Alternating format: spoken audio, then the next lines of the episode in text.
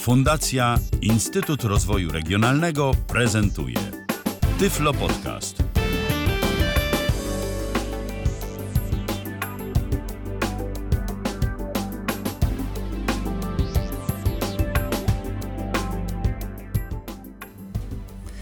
Dobry wieczór Państwu. Przed mikrofonem Tyflo Podcastu prowadzący dziś wyjątkową audycję Damian Przybyła wraz z moim gościem Rafałem Harłampowiczem Witam wszystkich.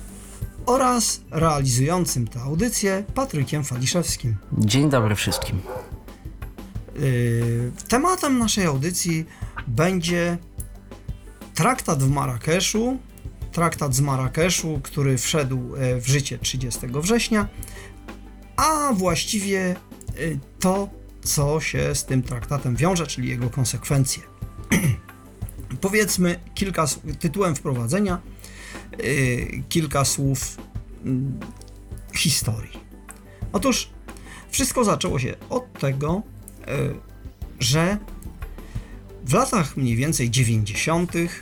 mm, wydawcy e, publikacji, wszelkich publikacji pisanych, zaczęli je wydawać w formie elektronicznej.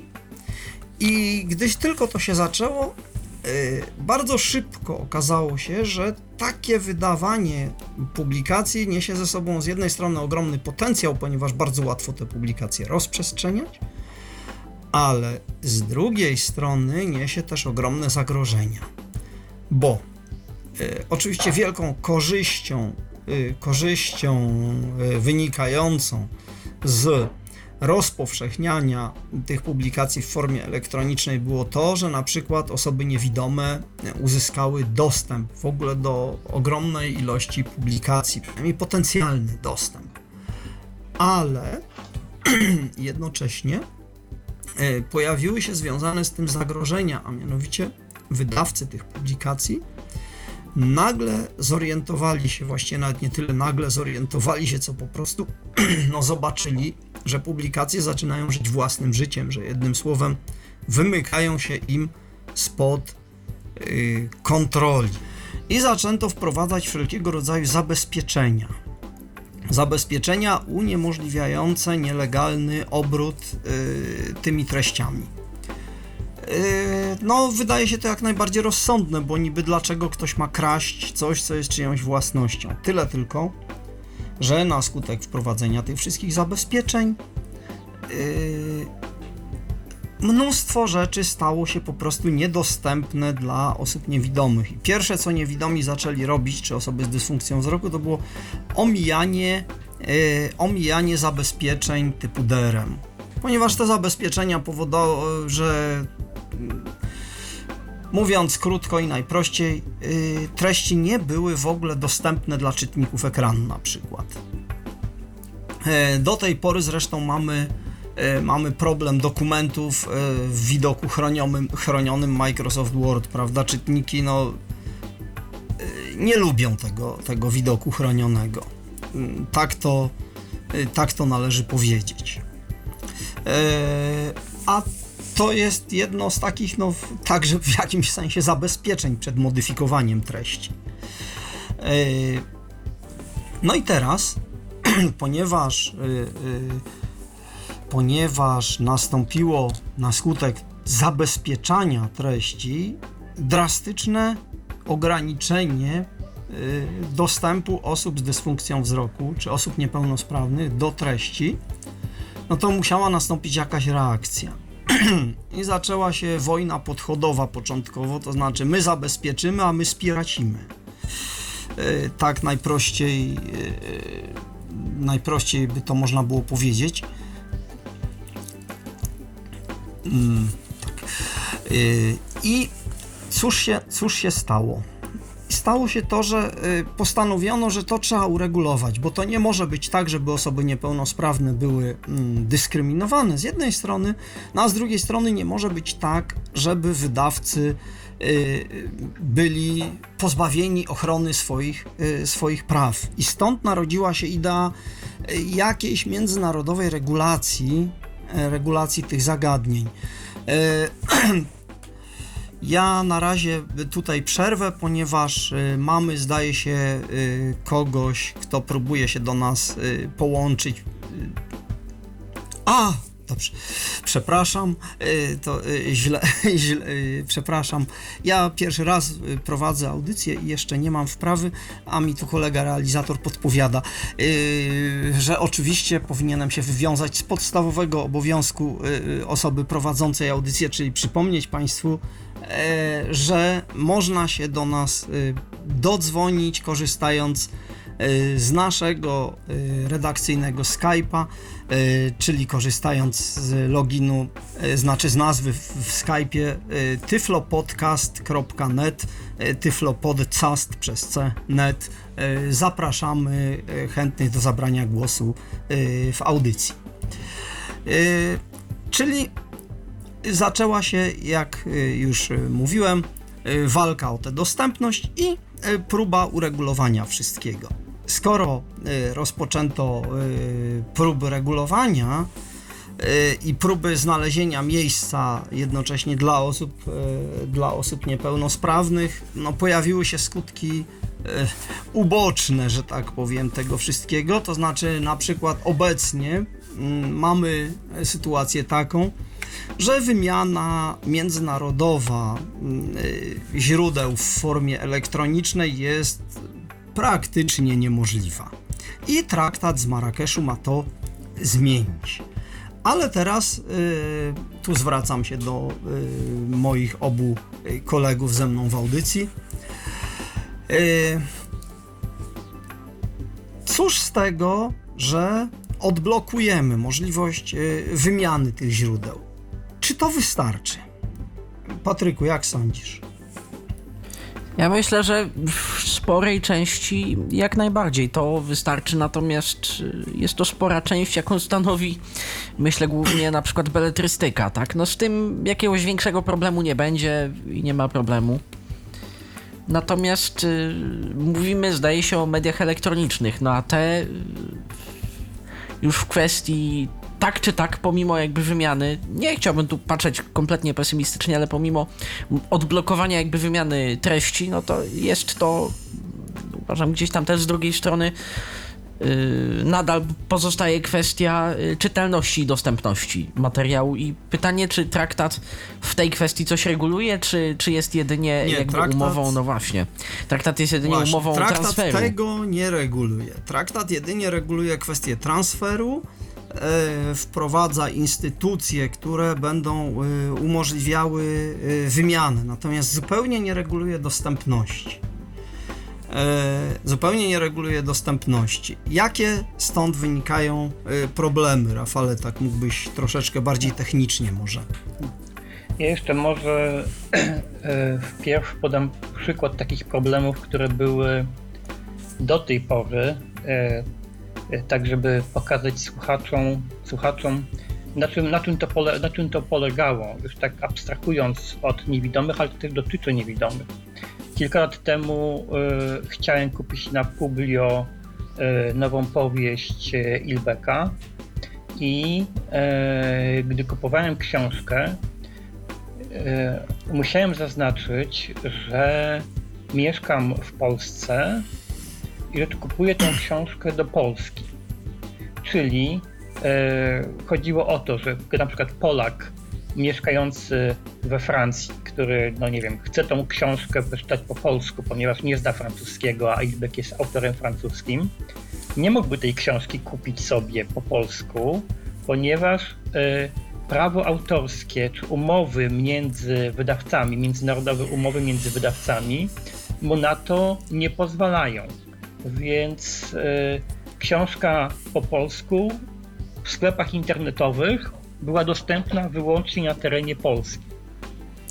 E, Czyli można stąd wnioskować, że y, traktat z Marrakeszu, który co prawda dotyczy tylko y, osób niepełnosprawnych, tak naprawdę pokazuje jakby nasz, chorobę naszej cyfrowej cywilizacji, polegającą na tym, że re, regulacje prawne dotyczące y, wymiany dóbr kultury y, są anachroniczne można tak powiedzieć, ponieważ e, wprowadza się terytorialne y, ograniczenia wymiany dóbr kultury, deklarując jednocześnie, że y, no, swobodę, dekla, deklarując prawo do swobodnego wymianu, swobo, y, przepraszam, y, do swobodnego obiegu i, i, i treści w kulturze światowej. A tymczasem okazuje się, że, że to tak nie jest, bo prawda, mamy filmy, które można obejrzeć tylko w Polsce,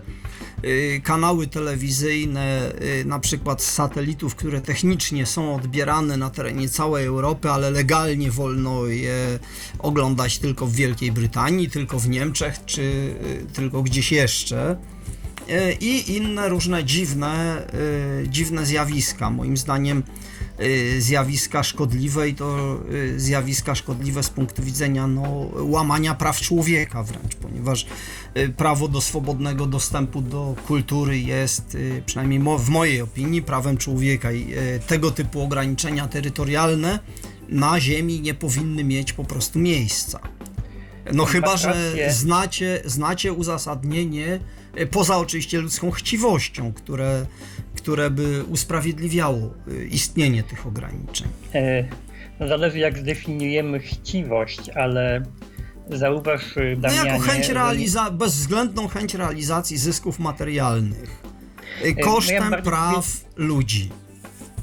Takich E, praw w sensie y, imponderabiliów, praw, praw podstawowych. Tak, ale zauważ Damianie, że e, między poszczególnymi krajami są czasem bardzo duże różnice w, w zarobkach, w ogóle w kosztach. E, No na jeżeli, jeżeli kupujesz książkę Stephena Kinga po angielsku, to ona może Mhm. kosztować e, 30 dolarów i więcej. No Ta dobrze. sama powieść, ta sama powieść przetłumaczona na język polski, czyli trzeba było zapłacić Kingowi za prawa autorskie i trzeba było zapłacić tłumaczowi na język polski, kosztuje w Mhm. Polsce 30 zł albo 30 Mhm. kilka złotych. Więc zobacz, zobacz jaka jest różnica. No jest wyobraźmy- ogromna, ale ostatecznie nie wszyscy Anglicy znają polski, Tak, prawda? ale teraz A dlaczego wyobraźmy sobie- ktoś, kto zna język polski, a mieszka, nie wiem, w Brazylii, w Anglii czy gdziekolwiek, no nie ma mieć Ale wyobraźmy y, sobie prawa teraz drugą sytuację. Weźmy na przykład Indię, gdzie jednak e, znaczna część ludzi zna angielski i Mhm. jednak koszty życia też są niższe niż w krajach typowo anglojęzycznych. I teraz tak e, e, powiedzmy, to jest moja hipoteza, ponieważ nie, nie sprawdzałem tego, ale nie zdziwię się, jeżeli tam książki wydawane po angielsku są znacznie tańsze niż książki, które się ukazują, te same książki, które się ukazują w Stanach Zjednoczonych albo w Wielkiej Brytanii. E, Znaczy no sugerujesz, że Anglicy kupią, jeżeli by tylko mieli taką możliwość, kupią w Indiach książkę y, za mniejsze pieniądze, ponieważ jest ona tam tańsza. No tak, no Ale czy nie sądzisz, ale, no, ale czy nie sądzisz, że na przykład nastąpi wtedy zjawisko y, naczyń połączonych, czyli y, przez to, że w Indiach ktoś zarobi więcej pieniędzy, poziom życia odrobinę w tych Indiach y, wzrośnie, a powiedzmy w kraju bogatym ktoś zarobi mniej, więc być może tu odrobinę spadnie, co będzie stymulować konwergencję gospodarczą, na Eee. dłuższą metę oczywiście. Nie do Bo końca. ja sądzę, bo że tak. Jeżeli, y, to znaczy, oczywiście to by byłoby dobre do takich przykładowych Indii, ale e, wyobraź sobie coś takiego, że za twoją pracę, nie wiem, to na przykład piszesz artykuły do jakiegoś Mhm. pisma, ale płacą ci stawkę z jakiegoś bardzo ubogiego kraju, podczas ty, No ty tak, mieszkasz w się. kraju o dużych kosztach życia. I No wiem. jeżeli, jeżeli ktoś sprzedaje miliony egzemplarzy książek, no to powiedzmy, że no nie wiem, zamiast trzech domów kupi sobie jeden. Mhm. Ale jeżeli e, jest to ktoś mniej znaczący, no to już jego. Poza tym powiedzmy sobie uczciwie, że najwięcej zarabiają przecież nie, nie autorzy na tym wszystkim, tylko e, całe ogromne organizacje wszelkiego rodzaju pośredników i tak dalej, wydawców i tak dalej, i tak dalej, i cały ten przemysł. I, i tak Tak, naprawdę ale powie... mm, to, to, to przecież nikt nie sprawdził Nikt nie sprawdził, jakby to rzeczywiście wyglądało. Myślę, że nikt nie zrobił takich symulacji. Po prostu liczy się tu i teraz pieniądz, jak myślę. E, a, a, a, a, takie symulacje i puszczenie tego w jakiś sposób myślę jest zbyt ryzykowne dla, dla tych, którzy no, robią po prostu interesy na tym, podejrzewam. Ja, ja też jestem, ja też je, jestem zwolennikiem swobodnego dostępu do kultury, natomiast no też rozumiem te y, ograniczenia, mm -hmm, które czasem mm -hmm. powodują takie sytuacje, szczególnie, że właśnie w przypadku y, mediów elektronicznych y, no, granice tak naprawdę nie mają znaczenia. No Więc, dokładnie.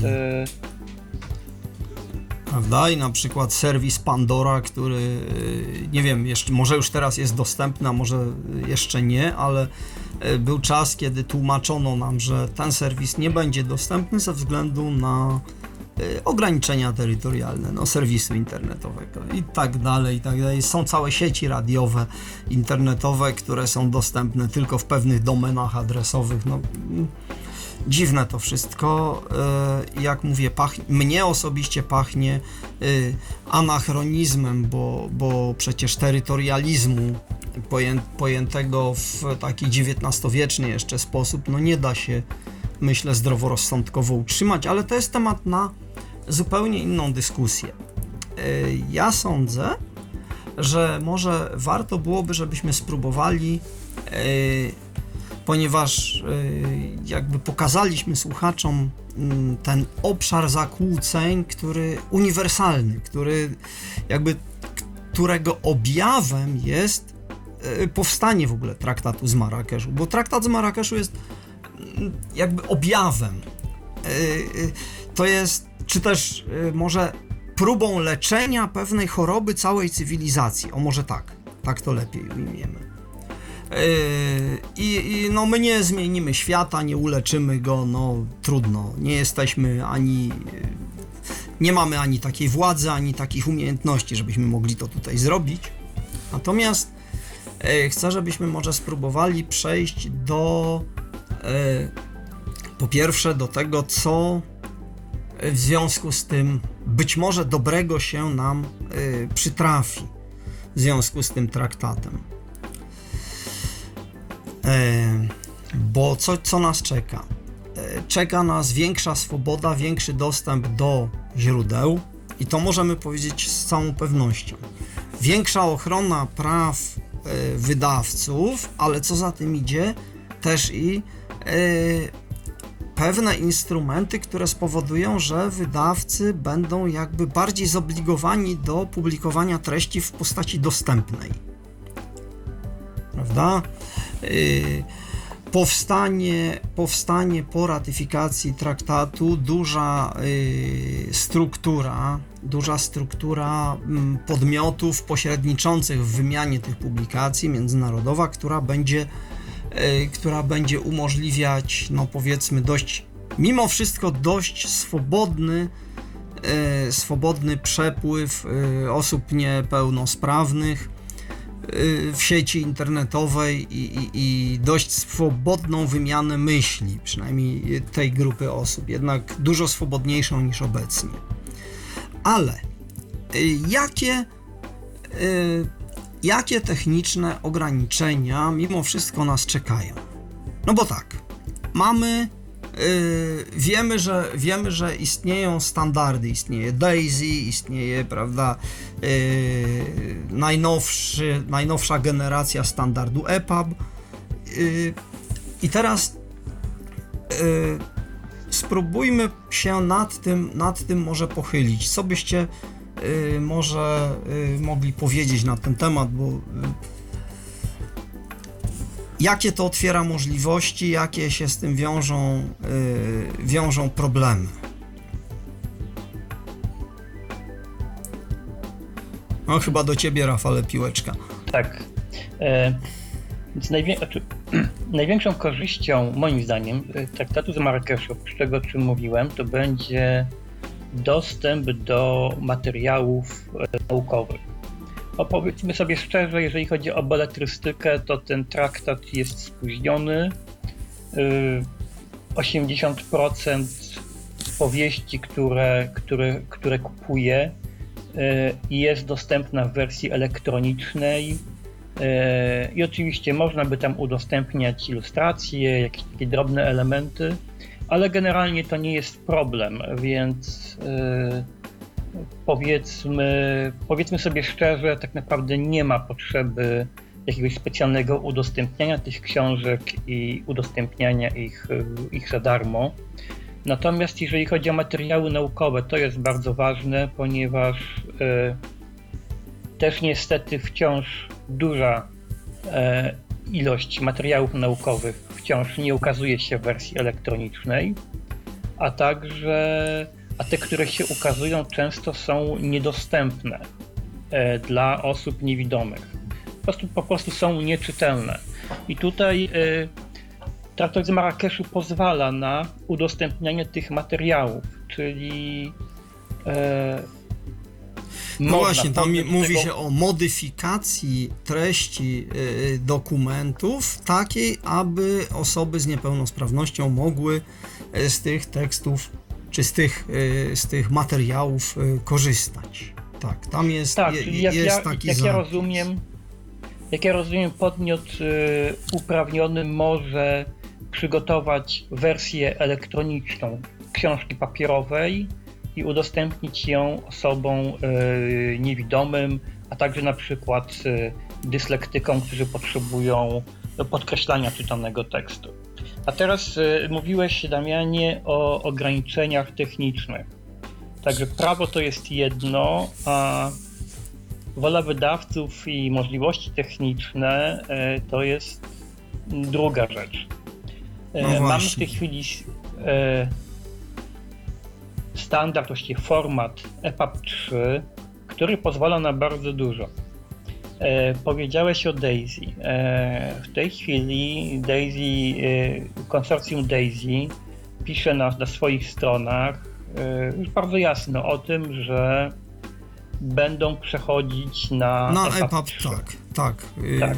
Rzeczywiście ponieważ... jest taka deklaracja, że to ma być standard taki uniwersalny, ponieważ DAISY było standardem y, wymyślonym z myślą o po pierwsze na początku w ogóle o treściach audio i dopiero potem jakby tekstowych Yy, pierwotnie to było, chodziło w ogóle o audio, indeksowane dobrze, ale jednak głównie audio, dopiero potem doszedł do tego tekst. Yy, tak to historycznie było, no a, mm, a teraz, tak jak powiedziałeś, mówi się, że, że to ma być coś, co jest yy, uniwersalne, jakby nie tyle związane z osobami niewidomymi czy niepełnosprawnymi, a wręcz mówi się, że EPUB 3.0 ma być standardem, czy ten EPUB 3X właściwie, tak by należało mówić, bo już jest w tej chwili 3.02 chyba obecna, obecna wersja. W każdym razie ma być standardem włączającym, czyli standardem uniwersalnym, udostępniającym treści wszystkim użytkownikom. Tam się wprost mówi e, publikacja treści dostępnych to publikacja treści lepszych dla wszystkich, bez względu na to, czy są sprawni, czy niesprawni, e, czy mają jakieś problemy z percepcją taką czy inną. Prawda? Tak, a ponieważ, ponieważ EPUB 3 daje w tej chwili te same możliwości, jakie daje DAISY, DAISY straciło, e, straciło rację bytu. No, też tak myślę. To znaczy, jedyne co można zrobić, to zintegrować jakby dokonania twórców Daisy, bo oni przez te, no nie wiem, ile to tam, z 15-20 lat, y, uczciwie powiem, nie odrobiłem lekcji y, i nie wiem jak długo standard Daisy istnieje. Ale za 20 lat będzie. Y, nie wiem, czy ktoś z Was wie, a może ktoś ze słuchaczy nam podrzuci taką historyczną informację. Bardzo zapraszamy. E, no długo. Daisy istnieje długo, też nie pamiętam ile lat, e, natomiast oczywiście ci ludzie, którzy w tej chwili robią książki Daisy, dalej będą robić książki, tylko że w formacie EPUB 3, bo możliwości e, będą te same. Ja może powiem parę słów o, o EPUBie.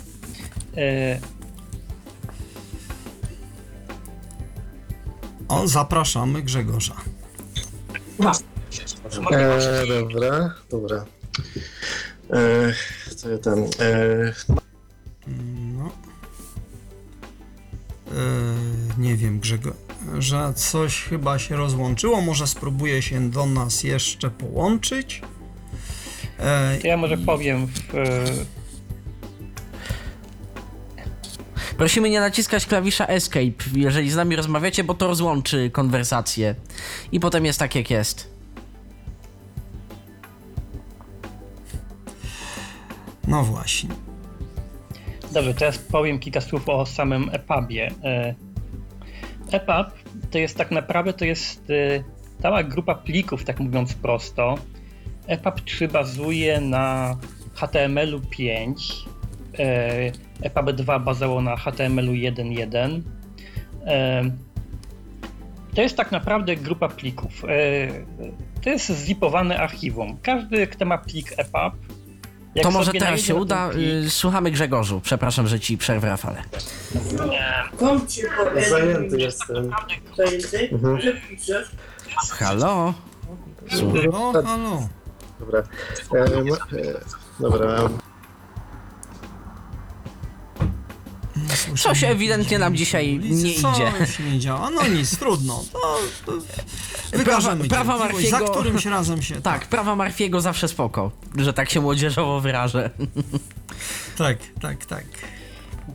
Dobrze, więc każdy, kto chce zobaczyć, jak wygląda EPUB w środku, to wystarczy, że weźmie plik EPUB, najedzie na niego kursorem, wejdzie do menu kontekstowego. Jeżeli ma na przykład program 7zip, czy też 7zip, Albo Tam będzie miał opcję- albo... tak, będzie miał opcję e, albo otwórz, albo wypakuj. Można sobie taki plik rozpakować. To jest zipowany archiwum i wtedy pojawi nam się folder zawierający różne pliki, w tym folder OPS, OPS, gdzie znajdziemy cały tekst książki, często podzielony, podzielony na rozdziały, na stronę tytułową, na jakieś dodatkowe materiały. Także można sobie te strony podejrzeć i zobaczyć, jak one wyglądają. Jeżeli otworzymy taki plik, e, zajrzymy do źródła, no to zobaczymy, że to właściwie wygląda, że to jest HTML, tak, w większości. Czyli są wszystkie znaczniki HTML-owe, e, czyli od środka sporej części wygląda to tak jak strona internetowa, podobnie. Zatem Natomiast mamy połączenie z Grzegorzem, może tym razem się O. uda. Ostatnia, myślę, próba, albo jedna z ostatnich. Słuchamy Grzegorzu. E, te, teraz e, próbuję Nie, dzwonić. Grzegorzowi chyba nie działa mikrofon. Nie, już działa. Już wszystko jest. E, e, e, Proszę, proszę mówić i się nie bać. z Androida dzwonię, bo coś z, na komputerze się coś nie da, nie wiem czemu. No, nie słyszę. Nie wiem, czy ty, Patryku, go masz może gdzieś... E, Proszę bardzo, o, teraz. No, e, mam takie pytanie.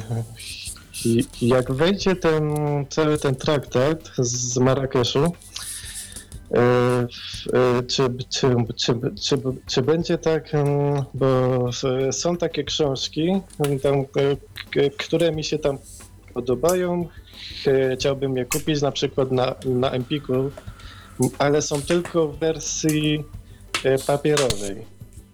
I czy ten e, traktat będzie umożliwiał, żeby, nie wiem, sprzedawca, czy producent, czy, czy tam ktoś mi to przerobił na, na jakiegoś e- EPUBa, czy, czy Daisy, czy coś takiego. To znaczy, to inne zupełnie porządki, inne regulacje będą, będą y, powiem tak, y, obecnie w, y, w Polsce pracuje się nad, y, nad regulacjami, które będą y, jakby wymuszały na wydawcach, przynajmniej w wypadku książek nowo publikowanych, y, będą wymuszały publikację tych książek także w formatach dostępnych, Mhm.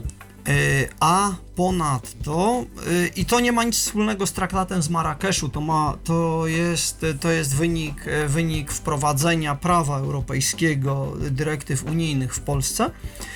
Chodzi o to, że docelowo w Polsce będzie tak, że jeżeli jakaś publikacja nie będzie się, nie będzie dostępna w wersji, w wersji powiedzmy mm, dostępnej dla, dla osób z dysfunkcją wzroku, czy też dla osób którym niepełnosprawność nie pozwala na korzystanie z druku, bo, bo tak, takie są tutaj y, definicje, y, to instytucje, które, y, które powiedzmy zajmują, będą się zajmować dystrybucją publikacji w formatach dostępnych, będą mieć prawo do tego, żeby taką rzecz, która jest dostępna tylko w formacie papierowym, mhm. udostępnić i wtedy ona, ta, ta publikacja będzie docelowa, docelowo będzie dostępna w postaci, znaczy w jakiejś bibliotece dla osób niepełnosprawnych do, do, do wypożyczenia, do skorzystania z tej, z tej pozycji.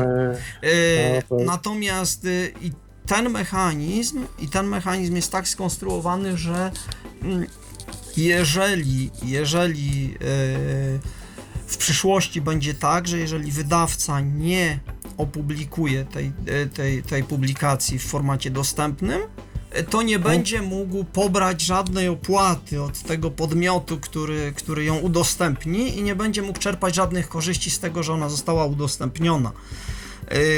Z grubsza chodzi o to, żeby w jakimś takim cudzysłowiu lekkim powiem, zachęcić wydawców do tego, żeby od razu udostępniali w handlu swoje publikacje w formatach w formatach dostępnych dla osób niepełnosprawnych, bo jeżeli, form, jeżeli publikacja będzie dostępna, no to będzie ją można kupić, prawda? Normalnie, mhm. tak jak każdy człowiek sobie e, kupuje, e, tak, nie tak, w księgarni, bo... gdziekolwiek. Bo to dotyczy akurat takiej książki, którą bym chciał kupić, ale ona jest No tak, ale to nie ma znaczenia jakby... E, no nie, to jeżeli książki są starsze, jeżeli książki są starsze, to tu to już niestety dobra wola. E, tego, to już jest dobra wola. To jest dobra wola, bo to prawo nie działa wstecz, więc będzie to pewnie dotyczyło e, dopiero publikacji nowszych. Natomiast star w przypadku publikacji starszych Y, sprzed wejścia w życie tych regulacji, no y, to po prostu nie będzie tutaj, y, nie będzie tutaj to żadnych efektów miało dla nas.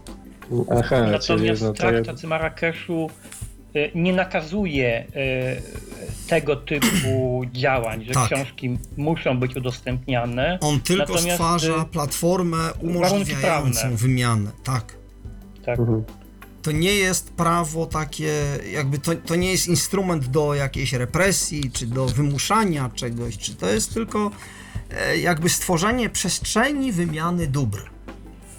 Aha takie Schengen jakby e, troszeczkę, że tak to e, potocznie, potocznie wytłumaczę. Aha, no to czyli jakbym chciał kupić taką książkę tam sprzed dwóch lat, to już będę sobie musiał sam e, zadbać o... Tak, to znaczy ja sugeruję na razie niestety dobry, do, dobry OCR, książka papierowa i, i, i jedziemy starą naszą naszą niewidomą Trzy dni z głowy, ale książka gotowa potem. No. Do, dokładnie tak. Niestety na razie, y, na razie jeszcze tak to musimy robić. To myślę już y, zbliża się zmierzch tych rozwiązań, ale jeszcze, jeszcze na razie tak. Tu jeszcze Grzegorze Aha. jakieś pytania? Masz Nie, to. wszystko, dziękuję bardzo. Dziękujemy Tobie również i, Dziękujemy i zapraszamy, zapraszamy do, do kontaktu ponownie. Tyflopodcast.net to nasz Skype, przypomnę, tak gdyby ktoś również był zainteresowany i miał jeszcze jakieś frapujące pytania odnośnie traktatu, bo to nie do końca jest sprawa no łatwa, jak widzimy. No. no tak. My sami jeszcze mamy może, Jeszcze może powiem kilka zdań o EPUBie. To, co jest y, taką nowością w EPUB 3, to jest możliwość integracji dźwięku i tekstu, czyli to, co, co było w Daisy. EPUB e 3 pozwala na taką integrację, zatem możemy mieć tekst, obserwować go na ekranie, fragment, który jest czytany, może być podświetlany, a oprócz tego będziemy słyszeli nagranie audio z lektorem na przykład, które będzie połączone z tym tekstem i e, będzie się wszystko e, zgrywało. No, takie serwisy są już dostępne, czy choćby na Kindlach, czy w Polsce. Polska audioteka wydaje takie książki. Tak. tak. E, no, kwestia nie, dostępności oni... tych publikacji. A czy z ciekawości. Na ile czy z ciekawości, hmm? Rafale, yy, wiadomo ci coś może, jak to wygląda i czy trzeba jakby takiej. Yy, takiemu dźwiękowi przypisać fragment audio, fragment tekstu, z którym on ma być jakby związany, czy taki dźwięk może sobie być, że tak się wyrażę, wolno stojący? Bo ja w tym momencie tak na, bardzo na kolanie, proszę Państwa, ale tak zauważyłem, że w sumie może to być dość niezły sposób na biznes, bo jako dźwięk załączona na przykład reklama. Zamiast odpowiednika jako ścieżki udogodnień, jako yy, drogi jakby do yy, odczytu tego tekstu do dostępności, bo jeżeli... Oczywiście. jeżeli to programistycznie jest, że to musi przynależeć do jakiegoś konkretnego działu, chociaż dla chcącego jest trudnego, może przynależeć do strony tytułowej. I nic człowiek nie poradzi wtedy, ale wydaje mi się to dość ciekawe.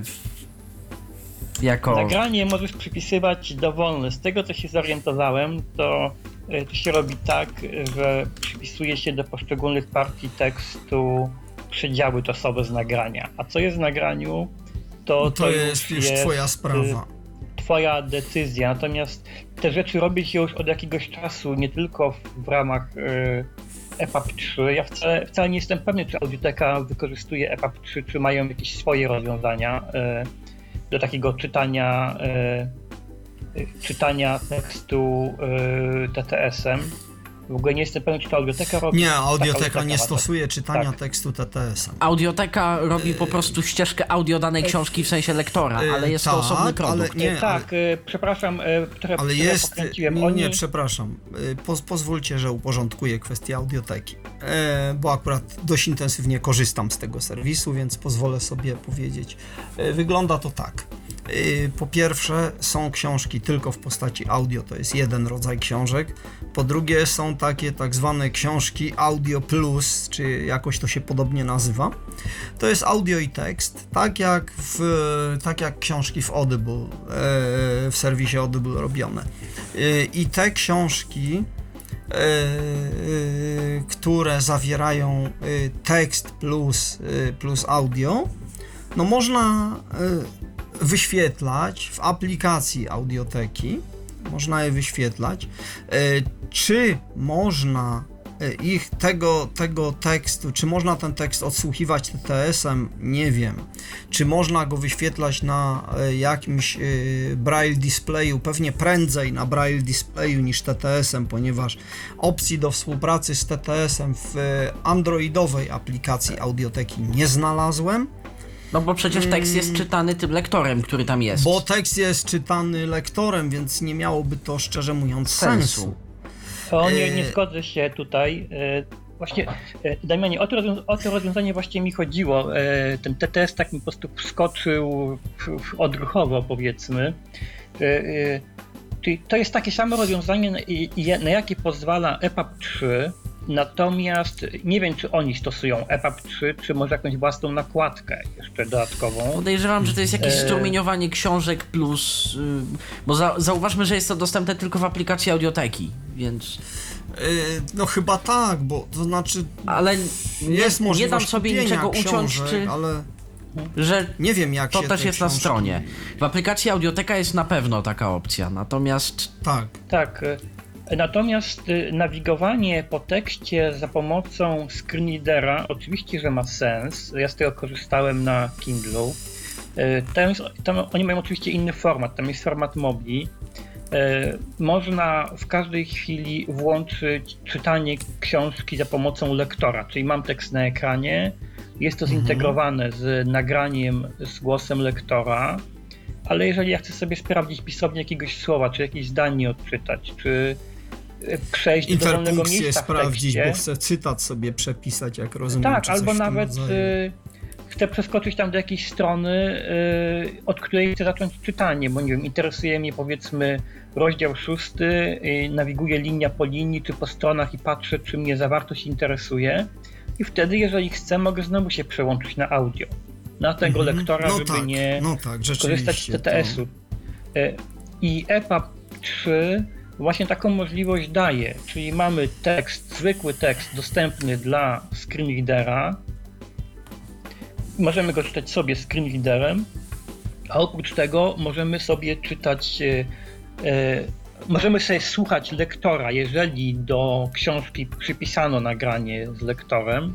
I oczywiście jest też trzecia możliwość, zależna od tego, czy dana aplikacja do czytania EPUB-u, bo to jest najważniejsze, e, czy dana aplikacja daje takie możliwości, e, możemy sobie odsłuchać TTS-em, czyli no są takie Mhm. aplikacje jak e, Cool Reader, czy też inne na Androida. No tak, tak, że tak możemy- które dają możemy takie sobie- możliwości. Tak, możemy sobie kliknąć przycisk czytaj i wtedy słuchamy książki nie screenreaderem, nie mamy możliwości jakichś nawigacyjnych, tylko tak jakbyśmy słuchali audiobooka, ale czytanego TTS-em. Mhm. I tutaj też format EPUB daje fajne możliwości, bo obsługuje tagi SSML. To są znaczniki, które poz- pozwalają wpływać na syntezator mowy. E, Jeżeli komuś się chce, to może ukryć w tekście, e, w tekście książki wymowę nazwisk, e, innych nazw własnych, sposób w jaki mają być wymawiane liczebniki i także też trochę innych rzeczy. Czyli Taki jakby A czy- w, czy z Rafale- poziomu pliku można sterować syntezatorem indywidualnie do potrzeb tego pliku, jak rozumiem. A czy, bo Tak, Czyli zapewne, że jeżeli Rafał plik będzie zawiera, najbardziej... nie wiem, cytaty w językach obcych, to możemy przełączać teoretycznie przynajmniej, możemy TTS zmieniać na, nie wiem, japoński, chiński, czy tam w zależności od języka, który nam jest potrzebny i cytat sobie zapuścić w innym języku na przykład, po czym wrócić do Powiedzmy, że y, swojego TTS-a jednego, który... Tutaj byłoby prościej akurat. Y, Tutaj byłoby w tym przykładzie, który podałeś, to byłoby prościej otagować dany tekst, dany fragment Jako język jako, w- konkretny. jako język, tak. Mhm, Ale mhm, oczywiście no tak. można też y, można Natomiast- też, y, zastosować. Mhm. Natomiast ja się chciałem zapytać, Rafale, czy w takim razie yy, orientowały się może jakieś z kompatybilnością syntez na Androida z językiem SSML? No bo o ile kupujemy sobie powiedzmy jakiś vocalizer czy akapelę, chociaż i tutaj zdarzają się problemy, w sensie taka no niepewność, czy aby na pewno to obsługuje. Na pewno Espik obsługuje SSML, no bo Espik jako kod syntezatora, to nieważne na jakiej platformie, ten SSML obsługuje. Pytanie, czy y, wejście jakby... No właśnie, po pierwsze, jak dużo syntez to obsługuje dostępnych na platformy mobilne, a po drugie, czy przypadkiem na przykład taka funkcja Google'owa użyj TTS-u programistycznie nie filtruje gdzieś tego języka. I tu jest problem. E, Ja bym się zdziwił, gdyby któryś syntezator nie obsługiwał SSML-a, bo to jest taka, taka zupełna podstawa e, i no, syntezatory nie sprawdzają wszystkich, wszystkich na Androidzie, natomiast zdziwiłbym się, gdyby nie obsługiwały. Bo po prostu. A syntezatory SAPI korzystają 4 z obsługują syntezy- wybrane na przykład. Do No SAPI tak, ale 5 to... SAPI 4 to powiedzmy. No tak, to, jest- to jest jakby jasne, że to jest technologia naście lat temu. Ale na przykład dla SAPI Tak. 5 dla SAPI 5 y, jest również technologia komplementarna, więc y, teoretycznie wcale syntezator nie Tak, ale- musi. Jest rekomendacja, nie żeby musi, powinien, ale nie, natomiast- nie musi. Te, które testowałem jeszcze kiedyś na, na Windowsie, to obsługiwały. Oczywiście Iwona, y, z tego co pamiętam, to chyba też Acapella, ale teraz nie jestem pewny. A Generalnie woka- zdziwiłbym wokalizery się- obsługują bardzo boleśnie SSML. O wokalizerze to taka ciekawostka, myślę, że spora dygresyjka, ale skoro już o tym mówimy. y, W niektórych edycjach wokalizera, jeżeli napiszemy polskiemu wokalizerowi słowo source jako źródło, source po angielsku, usłyszymy w odpowiedzi pchone MS wypowiedziane przez Agatę, bo e, gdzieś ktoś nie, za, no to- gdzieś ktoś nie zamknął znacznika i prawda, komenda source odpytuje, co jest źródłem głosu właśnie w SSML-u. Aha. Także Aha, tak, Tak, tak, no jest- zgadza się. I to, to, to e, nie tylko Ale to jest po Agata prostu tak błąd. robi. E, tak, to jest, to jest oczywiście, że to jest Syntezator błąd. Zosia na Macu robił, robił przynajmniej w To jeszcze samo. kapitanie to samo. Nie wiem, czy robi e, nadal, bo szczerze mówiąc nie sprawdziłem, ale musiałbym zobaczyć. Chyba robi. Wydaje mi Ale się, że robi. wracając, Ale do, chyba wracając, robi. Do twojego, wracając do twojego pytania, Patryku, tutaj oczywiście wszystko zależy od tego, jak dany program do czytania e, EPUB-u Jak wysokopoziomowo Będzie- jakby zagląda. Mhm. To jest, to jest tak, jasne. i on będzie przekazywał wszystkie te znaczniki do głosu. No między innymi dlatego właściwie nie da się korzystać z SSML-a y, używając screenreadera, ponieważ screenreader wszystkie te dodatkowe znaki, jak y, no on nie przesyła Bierze do siebie, do po swojej stronie interpretuje Tak. jakby. Tak, i, i tu się czasami też mogą zdarzać dziwne rzeczy wtedy. Tak. Więc ta, ta interpretacja też musi być napisana dobrze. Są czytniki ekranu, które mają z tym spory problem. W efekcie przeskakują podczas czytaj wszystko o 10 stron w przód. I Na nic nie poradzimy. Z tym. No, No tak. ale SSML jest bardzo wygodny właśnie, e, jeżeli chodzi o, o książki, przynajmniej ma duży potencjał, bo powiedzmy, możemy mieć książkę, gdzie e, redaktor takiej książki może, może określać, które fragmenty mają być czytane głośniej lub szybciej lub ciszej lub e, określić wymowę danego słowa, czy ma być wymowa powiedzmy no nie, mamy słowo image, tak? I czy ma być image, czy ma być image. E, Tego No tak, typu a- rzeczy można... A w czysto futurystycznej wizji ustalać. nawet może zmienić, y, jak cytat jest po japońsku, może zmienić na chwilę syntezę na japoński, jeżeli jest zainstalowana w systemie i przeczytać. no lub ewentualnie dostępna online, prawda? Przez Google'a na przykład. No tak, tylko to już Bo- wygeneruje No tak, dość długą można- pauzę. E, No tak. Bo on musi tam zainicjować, pobrać wave'a. Technicznie to no musi i to wszystko. troszeczkę potrwa. Tak. tak, tak, tak.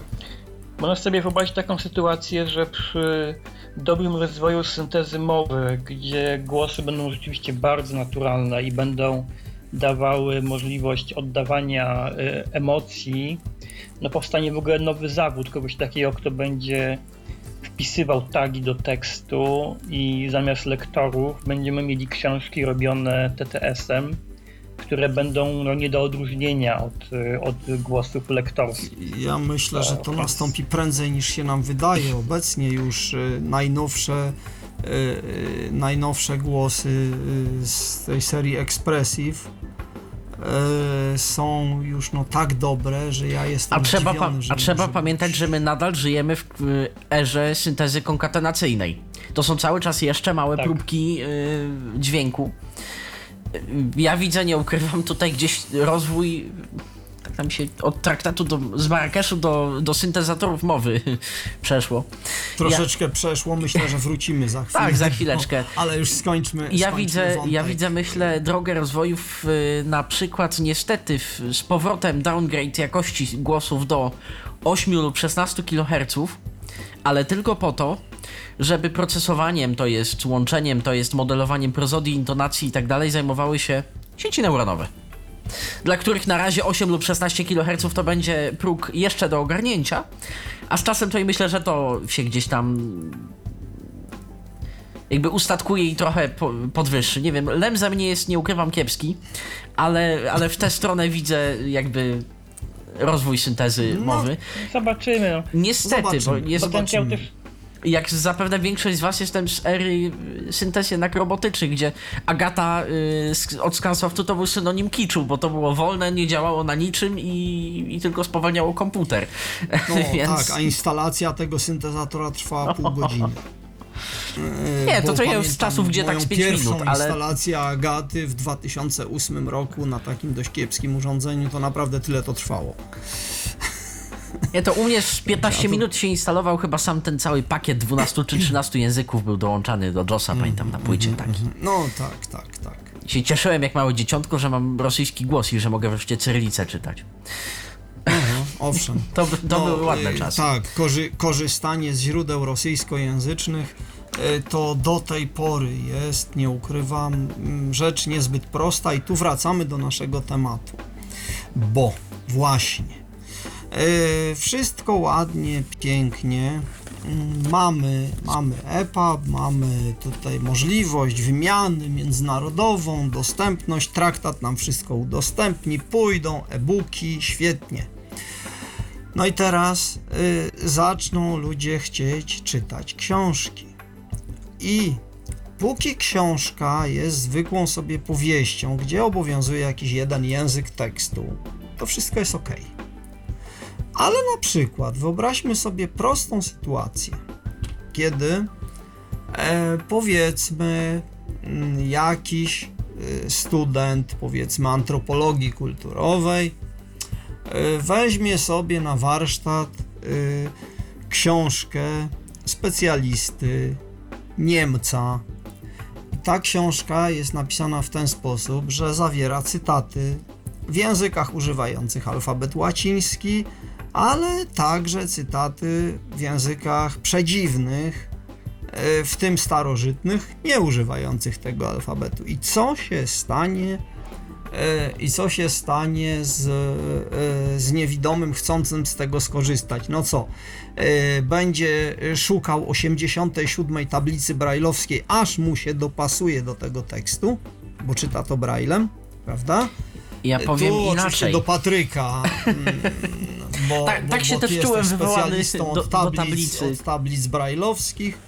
E, No i właśnie do tej infrastruktury chciałbym, żebyś opowiedział słuchaczom, e, jak właściwie, e, jak to wygląda. Czy istnieje być może w przyszłości możliwość stworzenia e, czegoś w rodzaju, e, tak w dużym skrócie myślowym powiem, brajlowskiego unikodu, czyli standardu, który spowoduje, że niewidomy będzie mógł spokojnie zapomnieć o tablicy brajlowskiej, dostanie tekst po hiszpańsku z diakrytykami, po rosyjsku cyrylicą, po japońsku w zależności od używanego rodzaju zapisu, e, czy po chińsku i nie będzie musiał niczego sobie tam zmieniać w tej linijce brajlowskiej czy w screenreaderze, tylko mu to się z automatu wszystko ładnie wyświetli, tak jak widzącemu na ekranie. Technicznie rzecz biorąc, myślę, że musielibyśmy wrócić do co najmniej 12-punktowego alfabetu, więc całe dziedzictwo Braille'a wzięłoby, że tak się wyrażę, brzydko w łeb,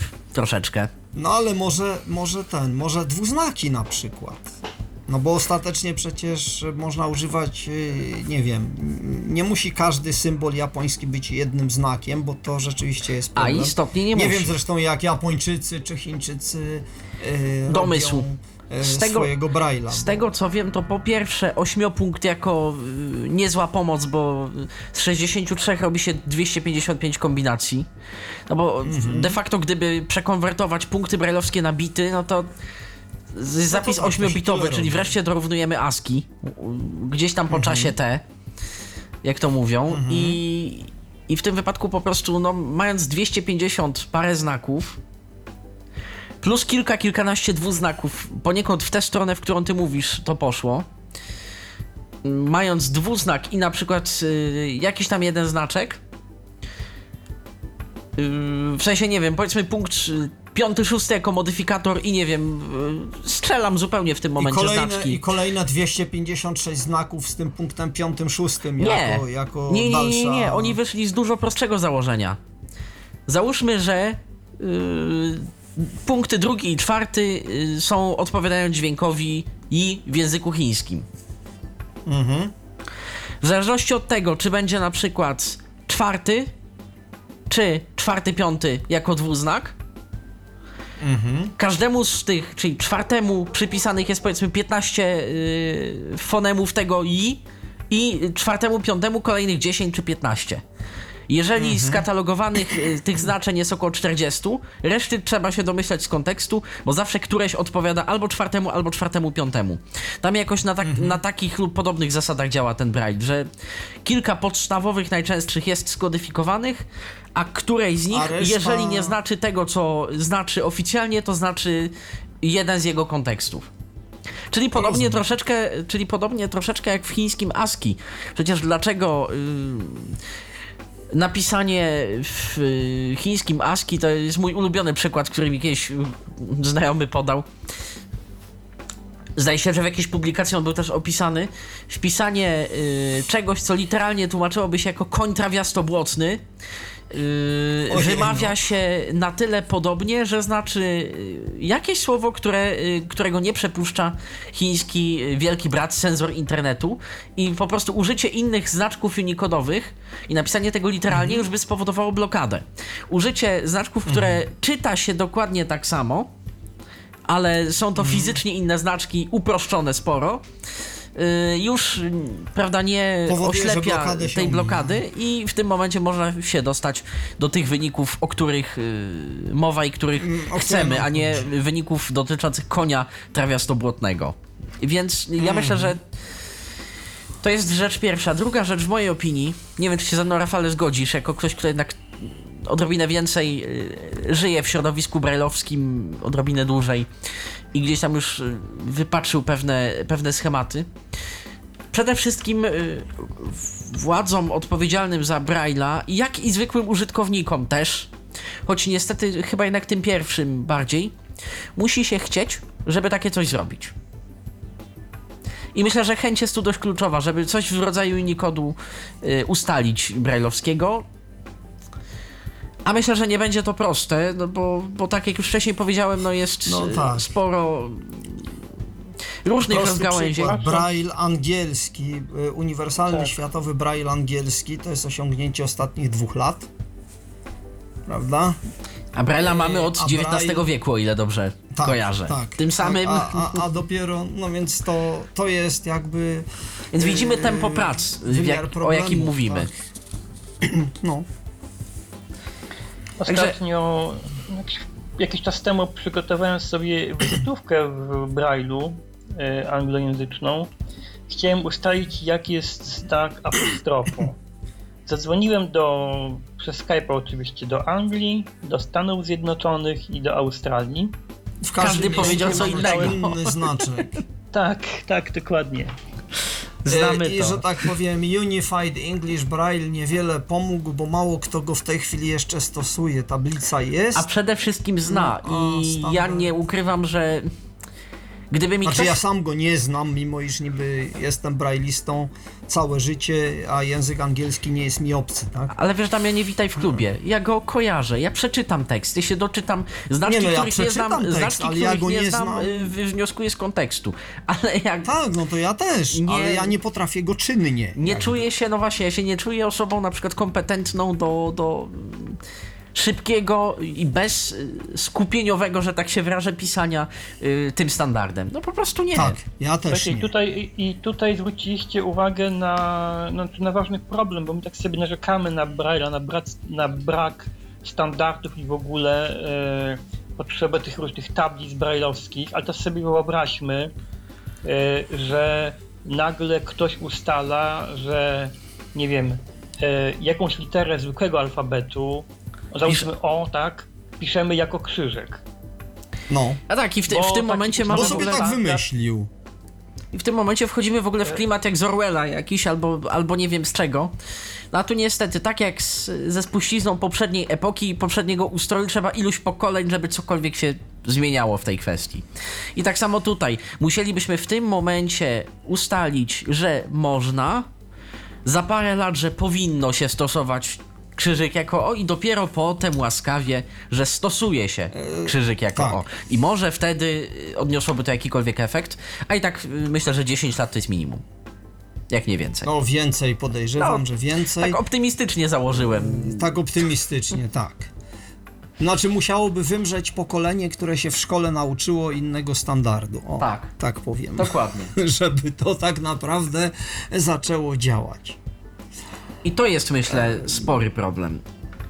I myślę, że to jest spory problem. Czyli doszliśmy do takiego wniosku, że tak naprawdę e, wszystkie regulacje prawne, które w tej chwili zaczynają nam mm, otwierać pewne możliwości, tak naprawdę e, wiążą się z bardzo dużymi wyzwaniami. e, wyzwaniami, ponieważ jak to zwykle bywa, jeżeli otwiera się jakąś furtkę, no to nagle się okazuje, że tam, tam za tą furtką czeka wielki pies z ogromnymi zębami, przysłowiowy, mówiąc krótko. E, Uwaga, ostry no, pies. Dajemy wam możliwość wymiany. E, dobre.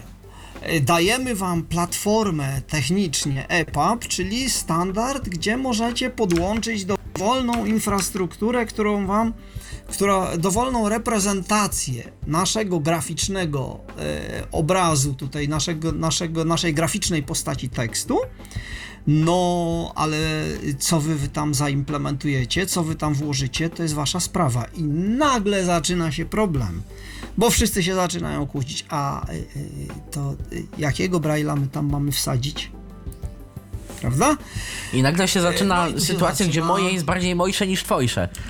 No, dokładnie. I tu się zaczyna tak naprawdę, panowie, popatrzcie, problem. Czyli y, jakby może powstanie, powstanie całej y, jakby instrumentu prawnego, powstanie pewnej platformy technicznej dopiero przed nami otwiera problem. Dopiero przed nami otwiera problem. I Ja bym chciał tutaj, żebyście może też e, wypowiedzieli się na kolejny temat, bo problem, e, problem e, standaryzacji Braille'a, czyli problem tego, czy kiedyś dożyjemy czasu, że w przeglądarce internetowej będzie można e, na displeju brailleowskim zobaczyć stronę po otwarciu e, w języku, w którym ona jest, bez zmieniania tablicy, bez regulowania, bez specjalnych nie wiadomo jakich skryptów wykrywania języka i Bóg wie czego jeszcze, tylko e, znaczy takich instalowanych do screenreadera, tylko po prostu, że przeglądarka będzie miała mechanizm swój wyświetlania tak jak na ekranie, tak i, i do Braille'a. To jest jeden problem, ale drugi problem to jest, proszę panów, e, w ogóle y, problem no, y, percepcji tego jeszcze Braille'a, czyli y, problem y, nie dość, że w języku wyświetlać, to czy wyświetlać skrótami, czy wyświetlać normalnie, czy umożliwiać A jeżeli człowiekowi- skrótami, to którym stopniem? jeżeli skrótami, to którymi, a poza tym, no właśnie, bo EPUB, jak ja czytałem specyfikację EPUBu, to byłem w ogóle przerażony, ponieważ ten standard jest na tyle otwarty, że daje możliwość włożenia w y, jakby w to źródło publikowane mnóstwa sposobów przedstawiania tego źródła prawda? Czyli można takim dźwiękiem, innym dźwiękiem, y, takim braillem, innym braillem i jeszcze być może w języku migowym też. I to wszystko ma być w jednym dokumencie. Zapewne i- dlatego to jest zip, żeby mniej miejsca zajmować. Tak, tak, ale i teraz, i teraz przejdziemy do, do kolejnej rzeczy.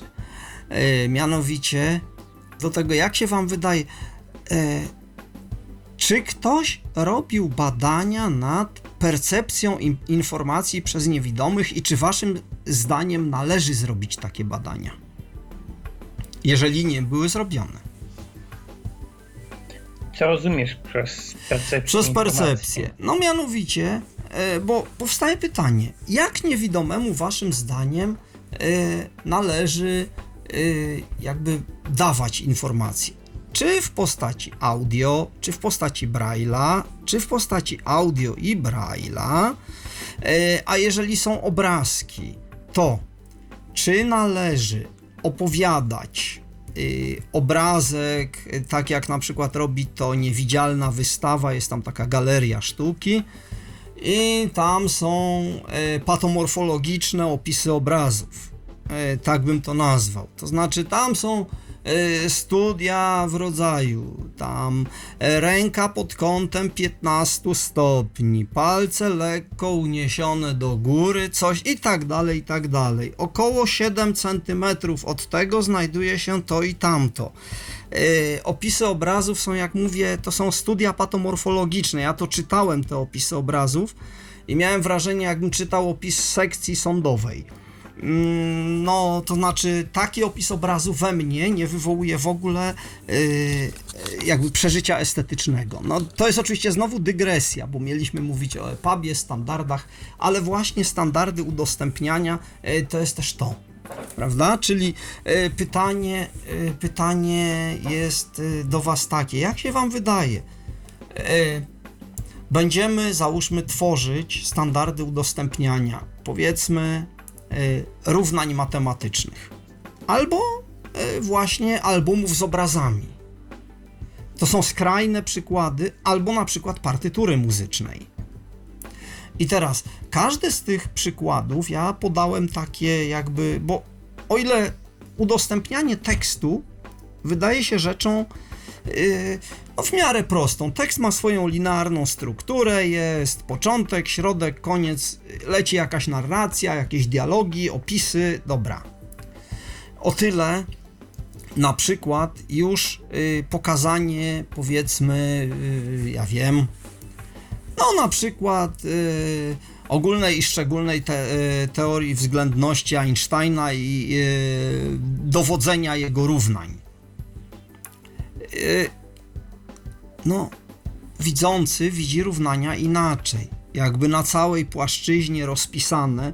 Pytanie, czy nasz liniowy sposób, y, czy nasz liniowy sposób, bo niewidomy ma interfejs szeregowy do równań, prawda? Widzie, widzieliście Trochę nieraz tak. zapis matematyczny. I zapis matematyczny po niewidomemu wygląda tak, że jest symbol A, po którym następuje symbol B, po którym następuje symbol C i tak dalej. Czyli e, równanie nie jest, e, nie jest tworem w jakimś sensie strukturalnym na płaszczyźnie, tylko równanie dla niewidomego jest tworem o strukturze liniowej. Ono jest w związku z tym. I teraz pytanie, y, na ile, na ile to na przykład zakłóca porozumienie z widzącym? I czy da się to prze, y, i czy da się to y, przejść? Ja powiem dość wymijająco. rzecz, Ja powiem dość wymijająco, myślę. Yy, Zaraz ci dam również Rafale się do tego gdzieś tam odnieść. Ale yy, z tym, o czym mówisz, czyli z równaniami, jest tylko niewiele gorzej niż na przykład z y, audiodeskrypcją w filmach czy w telewizji. Jeden woli emocje i żeby jednak deskryptor właśnie. y, angażował się również emocjonalnie, względnie opisywał y, albo przy zaangażowaniu emocjonalnym, albo właśnie nie, ale skupił się na tym, że w dolnym, y, w dolnym rogu wystrzeliwane jest logo Kanal, zielone, kwadratowe logo Kanal Plus w środku, a drugi woli, żeby y, deskrypcja y, gadała możliwie mało. I tu jest myślę Ewentualnie podobnie. gadała tak zwaną kwintesencję, to znaczy, że zawodnicy są spoceni, jak oni niesamowicie dużo wysiłku wkładają w tę grę. Prawda? To nie jest. Myślę, myślę, że prostsza, widać, myślę, że prostsza rzecz. Prawda? Tego nie widać. Myślę, że prostsza rzecz. Czasami jest na przykład podany obrazek, że nie wiem, jakaś dziewczyna siedzi smutna i trzy sceny wcześniej wynika z tego, że ją rzucił tam ktoś. A y, i teraz jedni chcą, żeby nie wiem, że, żeby deskrypcja powiedziała, że zielone krople spadają y, spadają kobiecie na lewe kolano. Część y, ludzi wolałaby, żeby powiedzieli, że nie wiem, Ania płacze. Albo y, Ania wyciera łzy z oczu, a jeszcze część chciałaby rozwiązania zagadki, a nie ktoś rzucił. Mnie nie obchodzi, że ona wyciera łzy z oczu, ktoś ją rzucił. Bo nie zrozumiał na przykład z filmu, albo tak mu będzie po prostu wygodniej lub łatwiej. Ja myślę, że to jest to samo z tymi równaniami, tym o czym mówisz. Jeden ma troszkę większą wyobraźnię przestrzenną, i nawet sobie zrobi, Mhm. y, powiedzmy, na, y, ma przed oczami zapis, y, przed palcami opis liniowy, tak jak mówisz, ale Tak, zrobi sobie model przetworzy. Mhm. ala chemia na kulkach i armatkach i będzie wiedział o co chodzi. A drugiemu Mhm. trzeba jak chłop krowie na miedzy i tak y, nie będzie y, z tego wymiernego efektu. No, coś w tym I to jest. jest, y, myślę, moja nieco wymijająca, ale jednak No ale, ale jakaś Podsumowująca taka trochę odpowiedź. tak. Ja A myślę, co że- sądzisz na przykład ja myślę, o u- zapisach muzycznych? Bo tu jest duży problem. Na przykład widzący, jak dostaje partyturę, no powiedzmy, tak, takie klasyczne pytanie, czy niewidomy może być dyrygentem, prawda? Ciężko mi powiedzieć, bo nie jestem zawodowym muzykiem. Dla mnie zapis muzyczny To brajlowski... znaczy ja osobiście wiem, że, wiem, że jest y, osoba, która ukończyła dyrygenturę z sukcesem, a to wiem dlatego, że przygotowujemy dla Tyflo Świata artykuł, Artykuł. akurat o niewidomych artystach i stąd, y, że ten artykuł przez moją korektę przechodził, wiem, że, że, że, że tak, że to się Nato- da natomiast ogarnąć, nadal uważam, że ale dla kogoś z zewnątrz na przykład nuty brajlowskie mogą stanowić abstrakcję. Dla mnie na przykład do sporego stopnia nadal nią są. Ale y, jestem w stanie jakby zrozumieć prawa, które tym zapisem kierują. Natomiast czy one są takie mega intuicyjne? One chyba nie są intuicyjne, ale nie dało się inaczej za zbytnio. I to, to jest myślę. Tylko, że z, że z nutami jest tak jeszcze inny problem. Ja nut brylowskich e, e, nie znam, tworzyłem swoje, jak się uczyłem kiedyś grać. E, e, natomiast z tego co wiem, kłopot jest trochę też inny.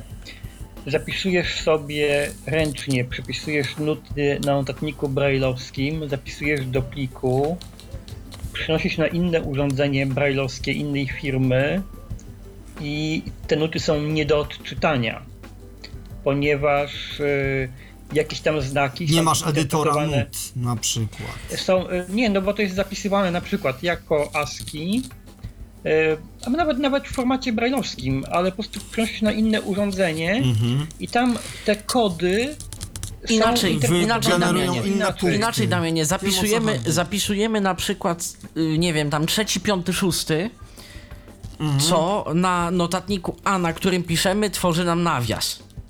Szkoda, że. Aha, jasne. No bo y, zakładamy, że chcemy to zrobić na szybko, nie ma edytora nut. No Notatnik tak. z edytorem nut znam de facto tylko jeden, y, więc y, no nie jest to y, gdzieś tam Jakieś powszechne, tak. Dokładnie. Więc załóżmy, że piszemy ten trzeci, piąty, szósty yy, jako nawias. No szkoda, że ten trzeci, piąty, szósty i teraz właśnie, część notatników konwertuje w stronę punktową, czyli tak wyświetli trzeci, piąty, szósty, ale powie, że to jest na przykład cudzysłów, Aha. ale część wyświetli pierwszy, drugi, szósty, bo wie, że tam jest nawias. Bo tak, wiesz, tak, bo, tam, bo wie, że tam jest nawias. Znaczy trzeci, Mhm. czwarty, piąty, przepraszam, akurat w tym wypadku. No wszystko był. jedno, no, ale, wiadomo, ale wiadomo o co tak, chodzi. Trzeci, czwarty, tak, Będzie tak. kierował się tym, że tam jest nawias, a nie, że tam był trzeci, piąty, szósty jako punkty. Mhm. No właśnie. Bo będzie interpretował Natomiast, semantycznie, i o ile- a nie, że tak powiem, topologicznie. O ile notacja nut jest uważam jedną z lepiej usystematyzowanych notacji brajlowskich, jeżeli nie najlepiej, bo jest międzynarodowa i tam są malutkie odstępstwa pomiędzy poszczególnymi krajami, a de facto to nawet nie są odstępstwa w postaci innych znaków, bo to tam gdzieś tam czasem coś. Ale w postaci na przykład y, no, różnych edytorskich zwyczajów, że nie wiem, tu są cztery takty lewej, cztery prawej, tu jest osiem lewej, osiem prawej, a tu jest na przykład jeszcze znaczek kreski taktowej wprowadzony, którego nie ma w innych nutach. Takie rzeczy edytorskie stricte, a nie, nie, nie, nie gdzieś tam znaczeniowe. No tak. Natomiast nadal uważam, że notatnik brajlowski jako jedno, tak utopijnie patrząc, zamieniam się w ciebie, Damianie, tak utopijnie patrząc, Aha. uważam, że dam, ten, że notatnik brajlowski powinien jako jedna z opcji mieć edytor nut. Tak mi się wydaje. Jednak. No cóż, Ale to... e, u, u, Jeszcze chciałbym urosłem... wrócić do tej y, do matematyki, ponieważ y, EPUB 3 y, obsługuje, czy daje możliwość kodowania y, MAF-ML, czyli kolejnego zestawu Mhm. kodów dla matematyki. Na przykład y, jeżeli chodzi o screenreadery takie zwykłe na, na PC, to na przykład JAWS obsługuje. No i jeżeli będzie NVDA na chyba stronę- też do pewnego stopnia. To Tak, chyba już coś, Jeżeli wejdziemy na coś stronę zaczyna. internetową, No. gdzie jest matematyka zapisana za pomocą, czy otagowana za pomocą MAFML, to nam JAWS to odczyta. I teraz EPUB Mhm. daje te same możliwości, ale to się pojawia taki problem. E, jest właśnie minus wbudowanych screenreaderów, co jest trochę nieszczęściem w tej chwili. Szczęściem i nieszczęściem. Tych właśnie bezpłatnych wbudowanych screenreaderów. Bo co z tego, że będziemy mieli EPUBa z fajnie zakodowaną matematyką, jeżeli na Jeżeli przykład systemowy screenreader tego nie przeczyta. TalkBack nam tego nie obsłuży. Ja powiem bo- więcej, VoiceOver nam tego nie obsłuży. No, No właśnie, więc y, A a nie dostaniemy się, albo się nie dostanie w ogóle tego kodu, ponieważ nie wiem, będziemy czytali na jakimś niestandardowym czytniku, no, który no, nie był przewidziany dla niewidomych. Yy, obranym po prostu ze sklepu, na przykład na, na Androidzie.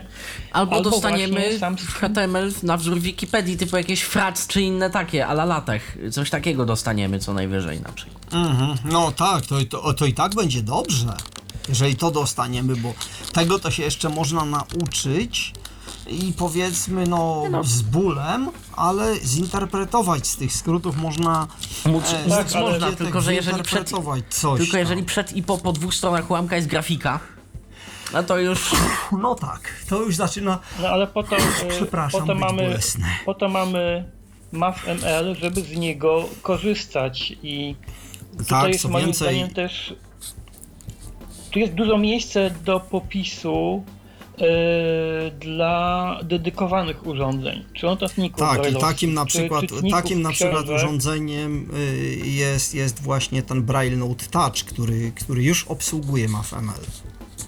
Y, I, I to jest, y, to jest wiadomość, to znaczy obsługuje w najnowszej wersji oprogramowania, y, która chyba albo się już ukazała, albo lada moment ma się ukazać.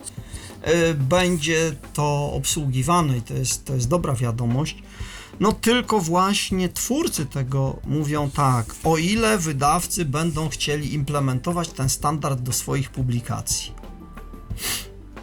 No i tu znowu właśnie wchodzimy w, w obszar dobrej woli, w obszar yy, tych, tego, że mamy owszem ogromne możliwości i te możliwości paradoksalnie jakby dopiero stawiają przed nami ogromne pole problemów do rozwiązania i ogromny obszar do zagospodarowania. A jak ogromny to jest obszar, o tym porozmawiamy, myślę sobie jeszcze. Pokontynu, kontynuujemy tę rozmowę po krótkiej muzycznej przerwie, tak? Damy Państwu chwileczkę odetchnąć mm, od tej naszej za, zażartej dyskusji. I wrócimy do Państwa za chwilę. To jest Tyflo Podcast. Cały czas można pisać na Skype'ie tyflopodcast.net, jeżeli y, Państwo również mają jakiś ciekawy głos w dyskusji. No a przede wszystkim swoje zdanie na ten temat. Tyflo, tyflo, tyflo, tyflo, tyflo, tyflo. To jest Tyflo Podcast.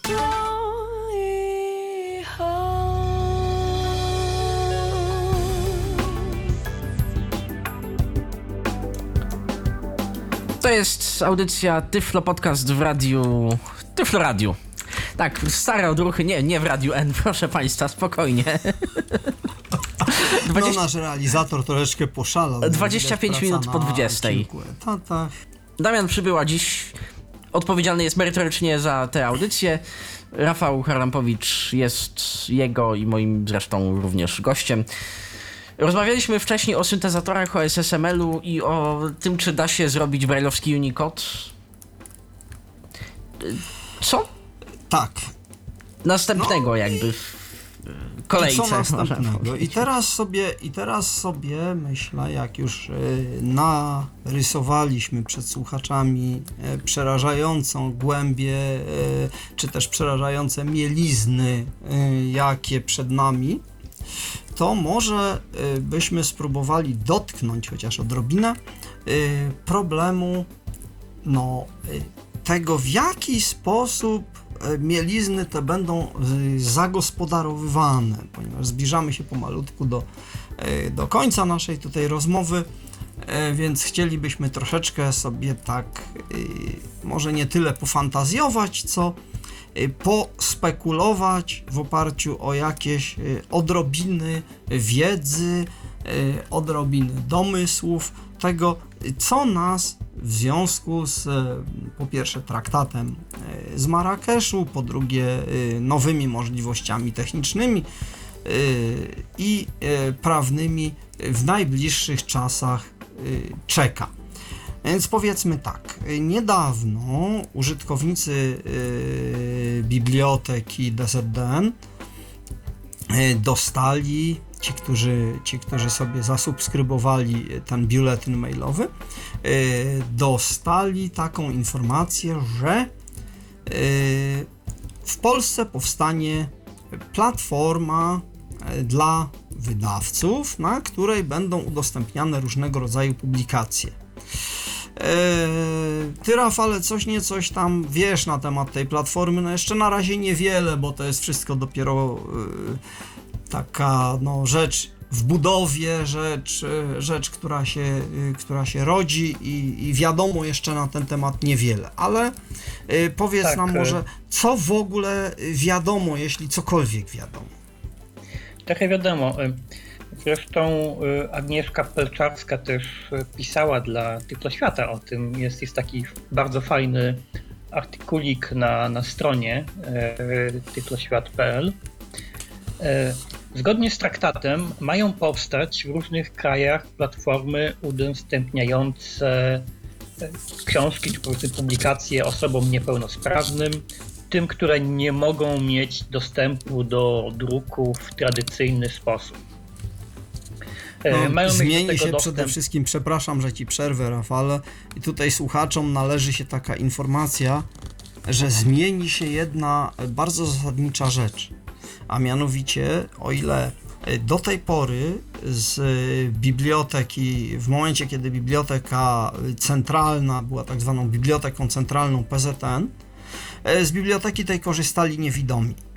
E, Niewidomi, słabowidzący i tam marginalnie osoby z dysleksją, ale generalnie była to biblioteka e, stworzona dla niewidomych. O tyle w tej chwili e, no, te regulacje traktatowe i w ogóle regulacje udostępniania europejskie powodują, że wprowadza się do polskiego, do polskich regulacji taką powszechną konstrukcję, e, że tak to powiem, e, osób brzydko i z angielskiego skalkuję, powiem, niepełnosprawnych drukowo. To jest bardzo brzydki konstrukt językowy. Ja sobie zdaję mm, sprawę, że on jest bardzo brzydki, ale chodzi z grubsza o to, że mm, do tych zasobów będą miały dostęp wszystkie osoby, które nie mogą z jakiegoś powodu korzystać z yy, źródeł w formie yy, pisma. Czyli także osoby, które nie mogą, nie wiem, przewracać stron z powodu na przykład yy, paraplegii lub jakiegoś porażenia czterokończynowego, poudarowego czy jakiegokolwiek innego, albo osoby, które nie mogą czytać z powodu tego, że na przykład nie potrafią skupić wzroku na tekście, bo coś nie działa. Yy, albo są właśnie dyslektykami, albo mają jakieś inne zaburzenie, które nie pozwala funkcjonalnie korzystać im z treści w formie pisanej. Czyli ta grupa użytkowników, jak widzą Państwo, ulega zdecydowanemu rozszerzeniu. I teraz oddaję już Rafale Tobie głos. Tak, więc mają powstać takie platformy dla takich, powiedzmy, dru druko niesprawnych, em, uprawnionych do dostępu do tych materiałów. W Polsce taką platformę e, tworzy PWN i ma to działać w ten sposób, że osoby zarejestrowane w tej, w tej bazie, w tym systemie, będą mogły pobierać książki albo w formacie EPUB, albo, e, w, e, albo audio. Nie wiem, jaki to format będzie. I ty, tam, w tym serwisie, nie czytamy sobie książek, tylko pobieramy je na nasze urządzenie, czy na komórkę, czy na komputer. I potem czytamy już na naszym ulubionym czytniku. Czy to będzie jakaś aplikacja w telefonie komórkowym, czy to będzie powiedzmy, nie wiem, BookSense, y, czy. No dobrze, a czy wiadomo, y, czy, czy istnieją jakieś narzędzia kontroli? No bo powiedzmy, ja nie wiem, pobiorę sobie książkę i komuś tam ją y, dam nieuprawnionemu. Nie wiem, Y, albo tak, sprzedam w ogóle. książki mają być oznaczane znakiem wodnym. Czyli tak, tak w ten sam sposób, jak to jest chyba w tej chwili w większości sklepów internetowych, że jeżeli kupujemy e-booka, to już nie mamy jakichś zabezpieczeń typu DRM, tylko mamy znak wodny. No jeżeli ta książka wyjdzie gdzieś, to można zweryfikować po znaku wodnym, kto jest jej właścicielem i potem Czyli powiedzmy, jeżeli wyciekło i znajdzie się, że wyciekło, to mnie dopadną, bo po moim Tak. znaku wodnym mnie zidentyfikują, że to ja puściłem. Tak, dokładnie. Mhm. Albo że tobie No ukradziono właśnie. tą książkę, bo wcale nie musiałeś No tak, tak, tak. że mi ją ukradziono, tak. Czyli to jest jakieś zabezpieczenie, które y, no, pozwala kontrolować, że ta książka teoretycznie powinna być u mnie. Tak. I tutaj Mhm. e, jeszcze jest taka rzecz, e, mówiąc o, o EPUBie, w ogóle o, o formatach książek, że też powinniśmy uważać, na czym taką książkę czytamy. Ponieważ e, nie przy... książkę w formacie EPUB możemy odczytać na wielu urządzeniach, ale niektóre z nich konwertują EPUB na inny format. I na przykład, yy, jeżeli sobie wyślemy EPUBa na Kindle, to on będzie skonwertowany yy, na którąś tam wersji formatu MOBI. Co znaczy, że część funkcji, część możliwości, które daje EPUB, przestanie być dostępna. Tak samo jest na przykład z to się nazywa bodajże, poprawcie mi tutaj Safari Books, czy jakoś tak. E, iBooks. E, tak, nie, iBooks, jest coś innego. iBooks, e, iBooks e, używa EPUBów. On je tylko zabezpiecza, e, zdaje się, że właśnie DRM-em, natomiast nie, nie konwertuje ich. Natomiast są jeszcze jakieś książki, jak czytałem, e, które się przegląda poprzez e, Safari. I Oj. tam e, te książki są konwertowane z EPUBa na jakiś jeszcze inny e, format, więc też trzeba uważać nad czym czytamy, czy dany program, dany czytnik czyta czyste EPUBy, czy konwertuje je do jakiegoś, Do jakiegoś swojego, formatu. Mhm. Tak. Bo wtedy No możemy stracić e, część, część funkcji, część możliwości, e, które daje ten oryginalny format. No dobrze, czyli Tak, E, to, czyli to już, tak to wygląda. Mhm. No dobrze, a czy coś więcej na dzień dzisiejszy o tej platformie y, wiadomo? To znaczy, czy wiadomo, y, czy wiadomo na Więcej- przykład, czy to jest Agnieszka tylko y, platforma PWN-owska, czy będą tam, czy to jest y, jakby platforma otwarta, w sensie, że każdy wydawca, który będzie chciał tam y, swoje publikacje umieszczać, będzie miał taką możliwość. W ogóle jak to ma Tak, być? Czy to ma oczywiście, funkcjonować na zasadzie biblioteki, księgarni, czy co my o tym wiemy? Bo to słuchaczom może Gdyby trzeba wyjaśnić, jest ponieważ takie, spotkałem się z dyskusją na ten temat dość taką. Założenie jest takie, zresztą to wynika też z tego traktatu w Marrakeszu, to jest platforma udostępniająca książki, czyli tutaj PWN jest wyłącznie wykonawcą, e, wygrali przetarg, natomiast e, książki, e, udostępniane książki będą różnych wydawców, więc... Czyli oni jakby dają kiosk, w którym te książki można dokładnie. sobie obejrzeć. I z tego co ja rozumiem, to mają być to książki udostępniane bezpłatnie, dlatego jest ten, e, ten wymóg rejestracji e, jako osoby Mhm, jako osoby uprawnionej, No właśnie. tak, do korzystania z tych, e, z tych zbiorów. Mhm. No tak. Więc tak to ma, tak to ma działać. No ja najbardziej liczę, że materiały naukowe staną się bardziej dostępne, bo jeżeli chodzi o beletrystykę, tak jak już mówiłem, to nie jest jakiś specjalny problem.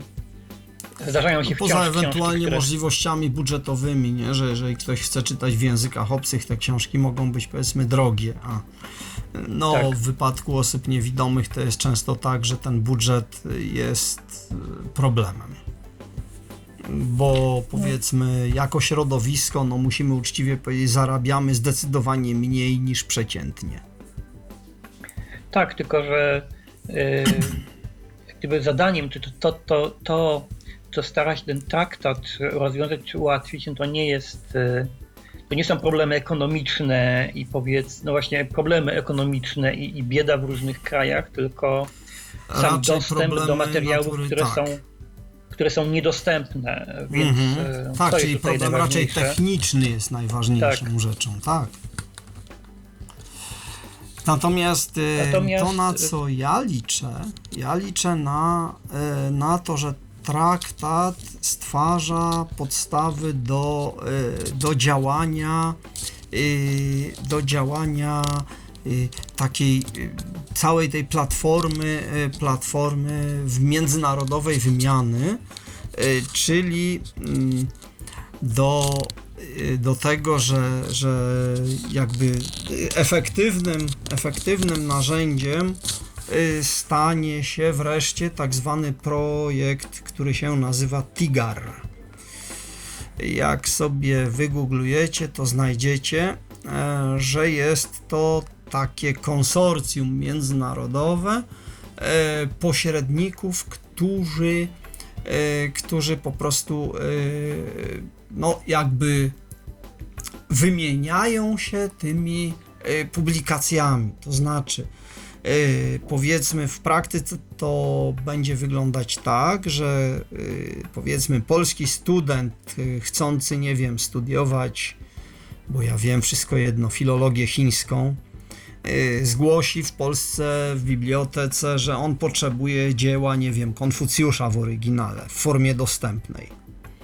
Y, Na co polska biblioteka zwróci się do y, odpowiedniego podmiotu w Chinach, że my chcemy dla naszego tutaj y, czytelnika taką książkę. No i ta książka po prostu bez żadnych barier i przeszkód wyląduje u naszego polskiego czytelnika na jego koncie czytelniczym. Dlaczego? Dlatego, że e, jest to konsorcjum tak zwanych podmiotów zaufania publicznego, e, czyli że jakby każda z stron y, uczestników tego, tego projektu, każdy z, każda z bibliotek czy instytucji, która w tym będzie brała udział, gwarantuje, że udostępnia publikacje pozostałych tylko osobom, które u niej są no jakby uprawnione. Ale y, powiecie no wobec tego dlaczego, dlaczego ten Tigar w tej chwili jeszcze nie działa?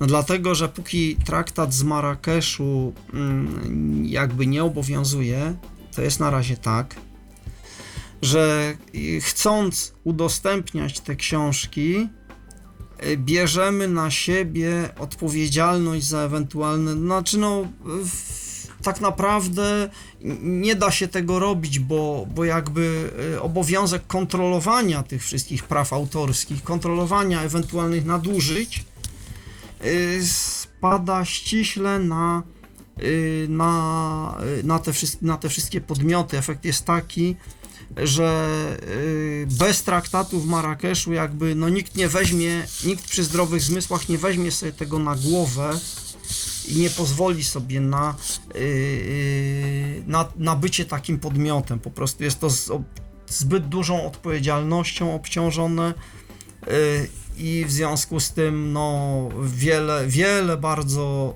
wiele bardzo potencjalnie zainteresowanych podmiotów nie przystąpiło do tego porozumienia o wymianie, a traktat właśnie spowoduje, traktat spowoduje przez to, że wejdzie jakby w moc, to, to, to ta konstrukcja y, użytku publicznego, mm, dozwolonego użytku publicznego y, przez osoby niepełnosprawne spowoduje, że y, jakby te regulacje y, będą zdecydowanie bardziej korzystne dla nas, nie, nie, będzie, nie będzie tego wymogu y, ścisłej kontroli i, i, i, i takiej, takiej restrykcyjnego podejścia, jak było. Także to, to jest bardzo istotne tutaj.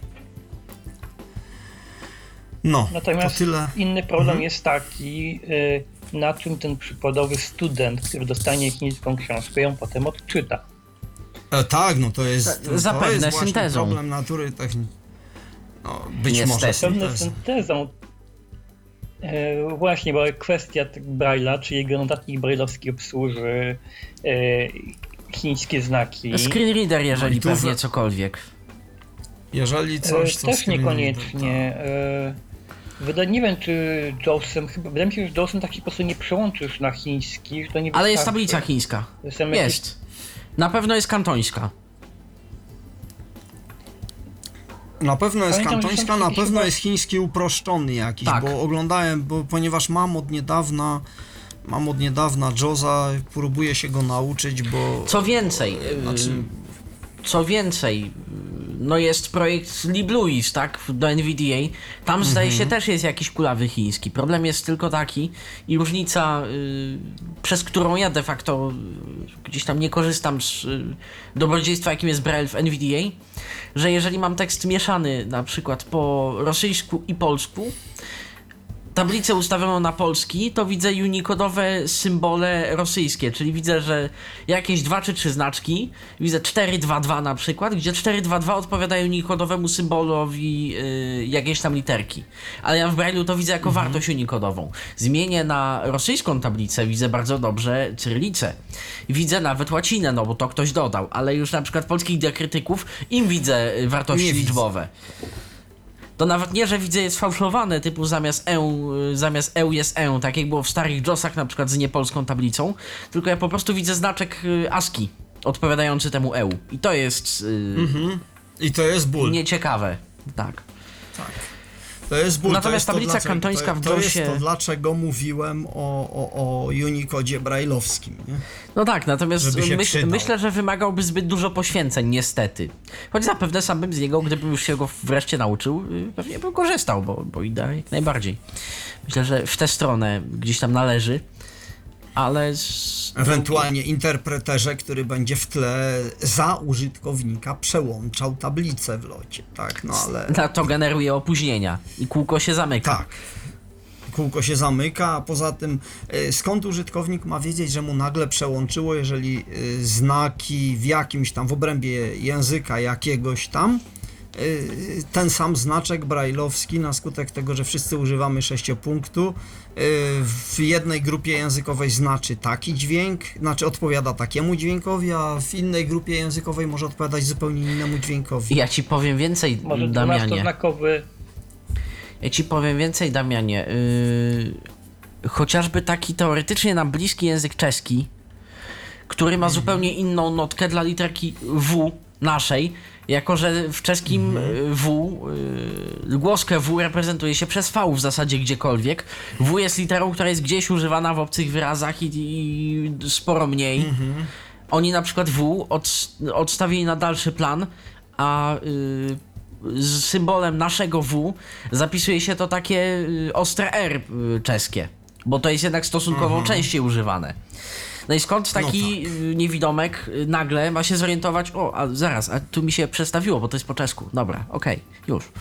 No właśnie. Zatem, zatem może 12-znakowy braille, powód do tego, do 12-znakowego braille'a wcale nie jest takim złym pomysłem e, w czasach No nie, no właśnie. I tutaj znowu. elektronicznych wyświetlaczy braille'owskich. I tutaj znowu nasuwa się, nasuwa się, proszę Państwa, y, problem. Tradycja Czy nie versus nowoczesność. Może, czy nie na, a poza tym, czy nie należałoby może do, y, wykonać badań percepcji dotykowej, zoptymalizować i zbadać co by się naj- co by niewidomego najbardziej jako interfejs. Mhm. Dokładnie, zbadać niewidomego jako interfejs do wymiany informacji. Jakie bodźce dotykowe są najlepiej przetwarzane?